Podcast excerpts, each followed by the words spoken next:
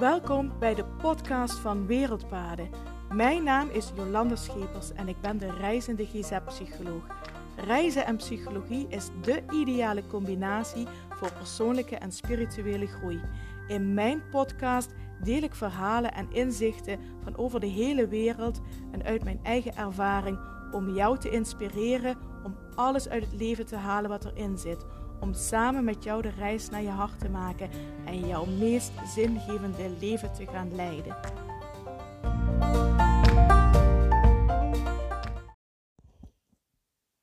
Hallo, hallo en super fijn dat je weer luistert naar de podcast van Wereldpaden. En het is vandaag donderdag 30 juni 2022. En boah, wat is het warm. Het is, um, het is pas half acht en ik zweet me kapot. Of ben ik de enige die het nu zo warm heeft? Of is dit mijn uh, energie op dit moment, op dit moment dat mijn zweet me uitbreekt? Ik weet het niet. Maar uh, ik uh, heb het in elk geval opeens heel warm. Of heb ik een opvlieger? Begint dat nu al? Dat kan natuurlijk ook, hè? Dus, uh, nou ja, vandaag de laatste dag van juli. En morgen hebben we al 1 juli. Het is echt niet te geloven. We zitten al op de helft van het jaar. Ik zei van de. Dinsdag had ik het er nog met Aurelia over. Aurelia zegt: Heb jij ook het gevoel dat we pas vooraan in het jaar zitten? Ik zeg: Ja, dat heb ik ook. Ik zeg: Ik heb eh, nog steeds het gevoel dat we net kerstmis gehad hebben. Maar we zitten alweer op de helft van 2022 en over ja, minder dan een half jaar eh, hebben we alweer opnieuw kerst. Maar goed, anyway, als het eh, met deze temperatuur, denk ik in elk geval niet aan kerst. Sommige mensen wel, die denken altijd aan kerst, maar poef, even niet aan denken. 30 juni en 1 juli zijn trouwens ook wel wat beladen dagen in mijn werk. Vandaag is de deadline om een aanbesteding in te dienen bij de gemeente Maastricht om volgend jaar 2023 in aanmerking te komen voor een contract. Om kinder- en jeugdzorg te bieden. En als je komend jaar geen contract hebt, betekent dat automatisch ook dat je voor 2024 al helemaal niet in aanmerking komt voor een contract. Het is een beladen datum, want ook al zou ik het misschien wel willen, of ja, misschien wel willen, als het gegaan was, had ik echt wel die aanbesteding ingediend. Maar ik heb nu niks ingediend, want ik voldoe niet aan de eisen van de gemeente. En dat wil zeggen, de eis is dat je per regio 156 cliënten per jaar ziet. En per regio is dan oostelijke mijnstreek, zoals de Parkstad, westelijke mijnstreek rondom Sittard-Geleen en het Heuvelland. Je kunt per regio een aanbesteding doen. En dan had ik wellicht een aanbesteding gedaan voor de oostelijke mijnstreek. Maar ik heb geen 156 cliënten. En ik ben niet de enige. Dit geldt voor alle vrijgevestigde psychologen en andere hulpverleners. Ik praat nou even over psychologen, hè, want dat is uh, de jeugd GGZ, dat is mijn uh, werkgebied. Maar dit geldt natuurlijk niet alleen maar voor mensen in de jeugd GGZ, dit geldt voor de hele jeugdhulpverlening. Dus op dat gebied een beladen dag betekent dat ik volgend jaar geen contract ga krijgen voor kinder en jeugd.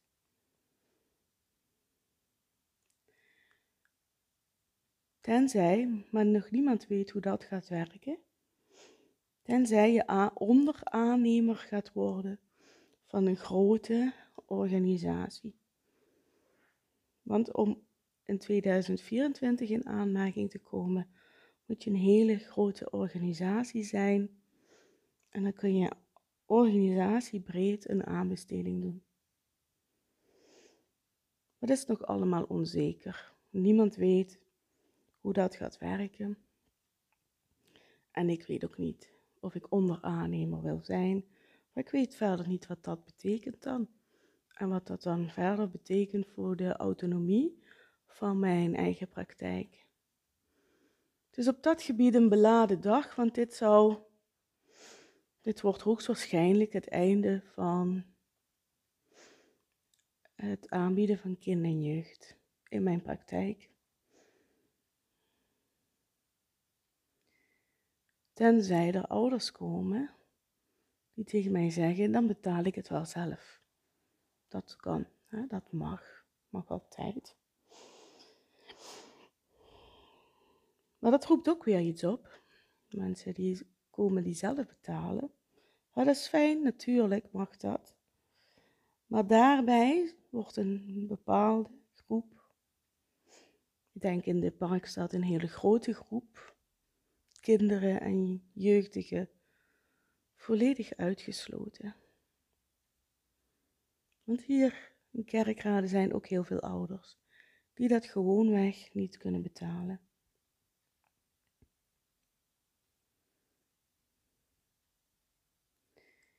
Dus een beladen dag voor veel psychologen, jeugdhulpverleners, maar misschien nog het allerergste voor alle ouders, kinderen en jeugdigen uit de gemeentes in Zuid-Limburg.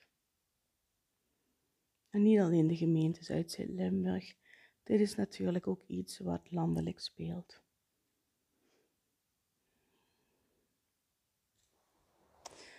Morgen is ook een beladen dag. De volwassen GGZ. Vanaf 1 juli moeten wij um, allerlei gegevens gaan aanleveren aan de NZA, de Nederlandse Zorgautoriteit, en de zorgverzekering. Gegevens, inhoudelijke gegevens van de mensen die bij ons in behandeling zijn. En dan gaat het bijvoorbeeld over diagnose, maar ook Per 1 januari is het zorgprestatiemodel ingevoerd en het zorgprestatiemodel, um, daar wordt gekeken naar een zorgzwaarte. En je moet een zorgzwaarte typering moet je aangeven voordat je de behandeling start. En voor, om die zorgzwaarte typering te bepalen, moet je een bepaalde vragenlijst invullen. Die vragenlijst, vragenlijst heet de HONOS. En alleen al de vragenlijst aan zich, daar kunnen we inhoudelijk heel wat van vinden. Want de meest opmerkelijke vraag waar de HONOS mee begint, hè, je moet eerst aangeven, gaat het over iemand met psychische klachten, iemand met psychotische klachten of iemand met een verstandelijke beperking.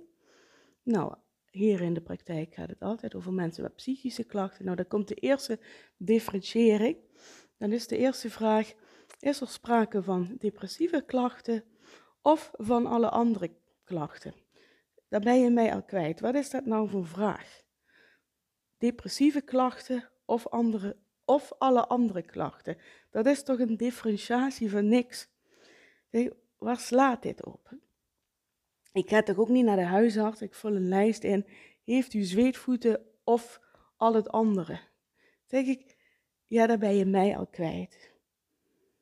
En ja, zo gaat die vragenlijst dan nog wel even een aantal pagina's door. En dan komt er dus een zorgzwaarte typering uit. De ernst van de klachten van degene die in behandeling komt. Dat is uh, de zorgzwaarte typering. Dus we moeten ook die zorgzwaartetypering gaan doorgeven en alle inhoudelijke antwoorden van de honos.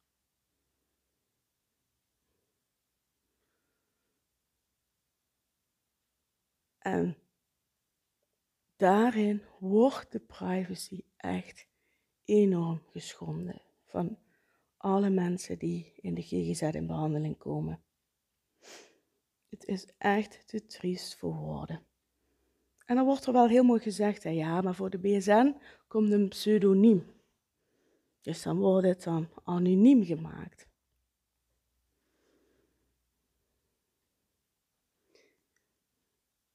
Ik weet niet in hoeverre dit ook echt anoniem is. Ik zou zeggen, neem het zekere voor het onzekere. En daarbij kun je ook afvragen waarom moet de NZA en de zorgverzekering zo'n gedetailleerde informatie van zorgvragers in de GGZ hebben. Wat moeten ze met die informatie? Ja, ik weet wat ze ermee moeten. Ik ze gaan nu weer kijken, waar kunnen we weer in het nieuwe jaar op gaan bezuinigen? Dat gaat er maar worden, dat voel je op die klompen aankomen.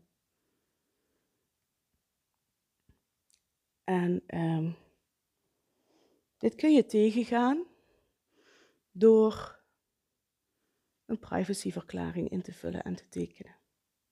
Dus ik zou je aanraden, bij je nu aan het luisteren en bij je zorgvrager in de GGZ, hè, ben je in behandeling in de GGZ,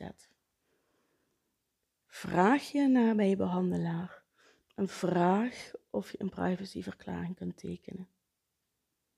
En ben je nu aan het luisteren en ben je behandelaar in de GGZ, ga dit uitzoeken. Er staat informatie op de website van de NZA. Ehm, neem contact op met de NZA, maar als het goed is, heb je hier ook een mail over gekregen. Ehm, dat je dit moet gaan aanleveren, want je moet je nog ergens voor aanmelden, zodat er een uh, aanleverportaal aangemaakt kan worden. Maar ga op onderzoek uit Neem contact op met de NZA. Ga kijken, ga op de website van de NZA lezen wat er allemaal ingediend moet worden. En stel je cliënten op de hoogte van de privacyverklaring. Laat cliënten de privacyverklaring tekenen. Want de informatie die er gevraagd wordt, gaat echt over alle grenzen heen. En Zelfs als, een, als er een pseudoniem komt voor het BSN, gaat het nog over alle grenzen heen. En je daarbij ook afvragend wat ze weer met die informatie gaan doen. En misschien luister je nu en denk je, Jolanda, wat ben jij een enorme zwartkijker. Maar geloof mij, ik werk ondertussen 15 jaar in de GGZ.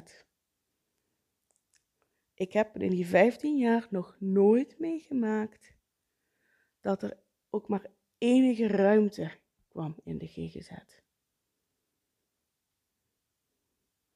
Dat regels versoepeld werden.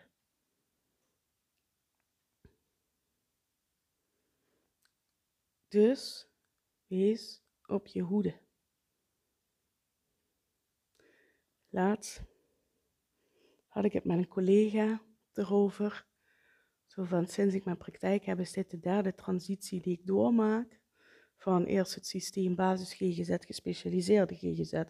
Vervolgens de transitie naar de jeugdwet voor uh, kinder- en jeugdzorg. En nu weer de transitie naar het zorgprestatiemodel. En toen zei mijn collega heel mooi: het enige constante in de GGZ is dat het altijd anders moet. En dat is precies het raken. Dus bij alles wat ik aan moet leveren, of alle informatie die ik moet geven aan de NZA of aan de zorgverzekering, ga ik me afvragen, wat moet je hiermee en wat ga je hiermee doen? Wie doet wat met wie, met welk doel? Ooit zei een psychiater dat, dit is de vraag die je altijd en alle tijden moet afvragen. Wie doet wat met wie, met welk doel? En dat is precies ook wat er nu weer gaat gebeuren in de GGZ. Dus vandaag en morgen een beladen dag in de GGZ. Waarin weer flink ingeleverd gaat worden. Voor, ja, ik wou eigenlijk zeggen, waarin zorgverleners flink moeten inleveren en uiteindelijk als zorgverleners moeten inleveren, moeten zorgvragers ook automatisch altijd inleveren. en als we dan gaan kijken naar de boeren, die leggen het hele land plat. En daarbij wil ik niet zeggen dat ik alle acties steun van de boeren. En ik veroordeel ook het grensoverschrijdend gedrag van sommige boeren, het agressieve gedrag, het gevaarlijke gedrag, hè, agressie, dreiging kan nooit een oplossing zijn. Maar ik moest gisteren denken. Ik heb vroeger in het smokonderwijs gewerkt en ik ben groepsleider in de jeugdhulpverlening geweest. Voor kinderen met gedragsproblemen. Het smokonderwijs heet tegenwoordig REC 4 onderwijs. Vroeger was het nog het smokonderwijs. Smok stond voor zeer moeilijk opvoedbare kinderen. En in de jaren dat ik in het smokonderwijs en in de jeugdhulpverlening heb gewerkt als groepsleider, heb ik letterlijk en figuurlijk klappen gekregen. Letterlijk soms ook echt fysiek aangevallen worden. En figuurlijk ook met heel veel verbale agressie, boosheid over me heen. Ik heb dat gedrag natuurlijk nooit goedgekeurd, nooit getolereerd. Maar de smokwereld en de wereld van de jeugdhulpverlening is een ontzettend harde wereld.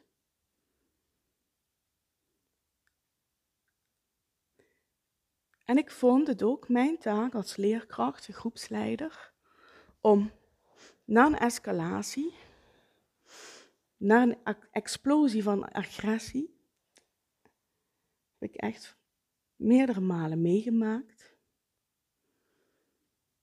dat ik ook ging reflecteren op mezelf. Welk aandeel had ik hierin? En daarbij niet met het doel om het gedrag van het kind, het agressieve gedrag van het kind goed te keuren. Helemaal niet. Maar ik vond als professional had ik wel de taak om het kind te leren omgaan met zijn of haar boosheid en te leren die agressie te reguleren. Als het dan tot een explosie kwam, vond ik ook dat ik bij mezelf moest reflecteren van wat is er nu gebeurd in de interactie. want er gebeurt altijd iets in de interactie. En vaak kom ik tot de conclusie, oh maar dit was nu, dit was nu, dit wat, wat, wat ik daar deed of wat ik daar zei, was de rode lap op de stier. Dus hoe kun je daar nou vervolgens aan werken? Dat die rode lap niet meer gewapperd wordt. zodat je het kind kunt helpen bij het ook het reguleren van die boosheid en die agressie. Door niet meer expres met die rode lap te gaan wapperen. Als je weet wat de rode lap is, ga je daar toch niet meer expres mee wapperen. Maar wel door stapje voor stapje wel te leren omgaan met boosheid en agressie. Want zo kwam je tot een veranderingsproces. En heel vaak was het zo, was de explosie van agressie, omdat het kind zich enorm in het nauw geduwd voelde. Net als een kat. Kat in het nauw maakt rare sprongen. Dat was eigenlijk heel vaak de situatie.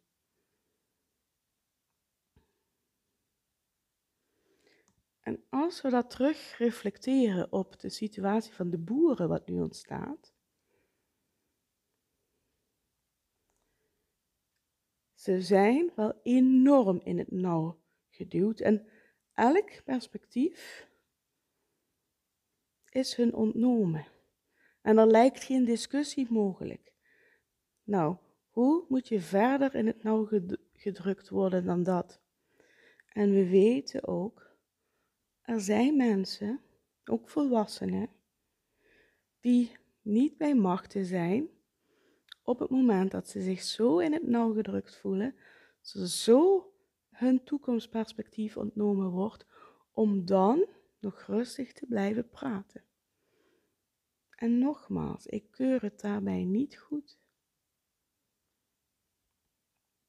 En wat gaat vervolgens de Kamer doen? Gisteren zag ik de beelden discussiëren over dat het gedrag van de boeren onacceptabel is. Nou, denk dat we daar allemaal over eens zijn. Ik zeg tegen Olaf, is dit nou waar we de komende drie maanden over gaan discussiëren in de Kamer? Nee, wat gaan jullie nou inhoudelijk bespreken? Dat dit gedrag onacceptabel is en dan moet iedereen in de Kamer zeggen, ja, ik word ook bedreigd, ik word ook bedreigd, ook, ik word ook bedreigd, oh wat erg, oh wat erg. Moet dat dan nou? We weten het, we keuren het allemaal af, klaar, verder op de inhoud. Dat, uh, en dan denk ik, wat doen psychologen? Psychologen gaan niet uh, de auto snelweg uh, blokkeren. Gaan niet uh, strobalen in brand steken. Gaan geen, uh, geen politiebusjes ehm, bestormen. Dat is maar goed ook, hè? Dat zou trouwens een heel raar beeld zijn. Psychologen die dit gaan doen. Ik denk altijd in plaatjes, ik zie het nou voor me. Maar psychologen doen dat niet, dat is maar goed ook. Maar psychologen doen vaak in mijn ogen precies het tegenovergestelde. Gaan overal niet mee. Oh ja, dan moeten we maar weer een weg vinden hoe we dat gaan doen. Dan moeten we maar weer een weg vinden hoe we dat gaan doen. Ik heb serieus afgelopen december in een Zoom-meeting gezeten van mijn eigen beroepsvereniging, waarin we serieus casussen gingen bespreken over um, hoe we die uh, vragenlijst die we nu bij elke cliënt moeten invullen, kunnen invullen. Twee uur lang serieus over gepraat. Terwijl, als je het mij vraagt, is het een vragenlijst die werkelijk nergens op slaat. Als de eerste vraag is, leidt, u aan een, leidt de cliënt aan een depressie of aan iets anders? Nou, sorry, bij mij volledig kwijt. En dan gaan we dan serieus twee uur lang over praten aan de hand van casussen en niemand die dan zegt, wat is dit eigenlijk een bullshit? Niemand die zegt aan de zorgverzekering en aan de NZA, dit gaan we niet doen. Die onzin ga je maar zelf doen, maar wij gaan dit niet doen. Inhoudelijk slaat die lijst nergens op. het zou gaan over administratieverlichting, is alleen maar meer administratie. Dit gaan wij niet doen. Nee, dat gebeurt niet. We gaan het dan bespreken hoe we die lijst kunnen invullen. Aan de ene kant hebben we de boeren die het hele land op de kop zetten blokkeren de snelweg. Nou, ze gaan zelfs nu dreigement hè, dat ze maandag naar de luchthavens gaan, daar alles plat leggen. Het ene uiterste hè, is geen goed voorbeeld. Aan de andere kant hebben we de psychologe die zegt, ja, die bijna in de, un, ja, die eigenlijk niet, niet bijna in de underdog positie gaat. Die hè, hè, die gaat buigen en zegt, oké, meneer Enzeda, mevrouw zorgverzekering. Ja, tuurlijk gaan wij dat doen. En ik denk, het moet wel de middenweg blijven. Het moet wel de middenweg blijven. En misschien, hè, en ik maak het vergelijk tussen de boeren en de psychologen. Want heel eerlijk gezegd, hè, zitten wij psychologen in precies hetzelfde schuitje dan de boeren. De boeren moeten met 37% landelijk, dacht ik, inkrimpen. Sommige gebieden, hè, dat verschilt dan ook weer per gebied, 50 en sommige 70%. Hè, dus moeten enorm inkrimpen. Maar de psychologen net zo goed. Bij kind en jeugd kunnen heel veel psychologen, maar ook andere jeugdhulpverleners geen nieuw contract aangaan. Bij zorgverzekeraars worden zorgplafonds neergelegd, waardoor je niet verder kunt groeien. Dus wij raken minstens zoveel procent kwijt als de boeren ook. Alleen de boeren leggen het hele land plat en nogmaals, het is niet goed te keuren. Maar wat wij psychologen doen, dat is ook niet oké. Maar overal ja en amen op zeggen. En ik denk dat we ergens in het midden moeten uitkomen. En wel heel, heel duidelijk moeten zeggen. En genoeg is genoeg. Het is klaar. En als ik dan ga kijken, de GGZ is één grote puinhoop. De gemiddelde wachttijd is negen maanden. Gisteren kreeg ik een mailtje. Die kwam binnen in de praktijkmail. Een mailtje van een mevrouw. Wij hebben al maanden een aannamestop. En dan kun je wel zeggen, oh wat, hè, wat stom dat je een aannamestop hebt. Dat is ook omdat we anders het werk helemaal niet meer aan kunnen en zelf over de kop heen gaan. Dus uit zelfbescherming hebben wij al een aantal maanden een aannamestop. Gisteren kwam er in de praktijkmail een mail binnen van een mevrouw die zei van, willen jullie, ik heb een verwijzing gekregen van de huisarts. Ik zie dat jullie een aannamestop hebben, maar willen jullie mij toch alsjeblieft op de wachtlijst zetten? Want alle praktijken die ik benaderd heb, hebben een aannamestop. Dat is te triest voor woorden natuurlijk. En alle praktijken hebben een aannamestop omdat ze tot over hun oren omkomen in het werk. En nogmaals, die hele GGZ is één grote puinhoop. En in plaats dat er ruimte komt, wordt de broekriem opnieuw aangetrokken. En wordt, worden de, wordt, wordt er nog meer weer bezuinigd, weer ingekrimpt, weer een zorgkostenplafond, weer bij de kinder- en jeugdzorg minder aanbieders die een contract krijgen. En dat is het grote probleem. En ik denk eerlijk gezegd dat wij als psychologen in de GGZ in dezelfde shit zitten als de boeren op dit moment zitten. Alleen hoor je daar geen enkele psycholoog over. Maar het is wel zo. En de boeren staan in Den Haag.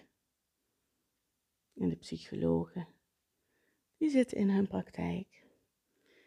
Die zitten in hun kamer. Want de zorg moet wel doorgaan. Over jezelf aan de kantcijfer gesproken. En daar wou ik het vandaag in de podcast over laten. Bijlaten, niet overlaten, bijlaten. Dus 30 juni, 1 juli. Prachtige zomerdagen, maar eigenlijk zwarte dagen voor de GGZ en de jeugdhulpverlening. Dus hier niet, eigenlijk niet zo'n hele positieve podcast. Maar ja, soms vind ik ook dat die waarheid ook gezegd moet worden. Ik dank je heel erg voor het luisteren.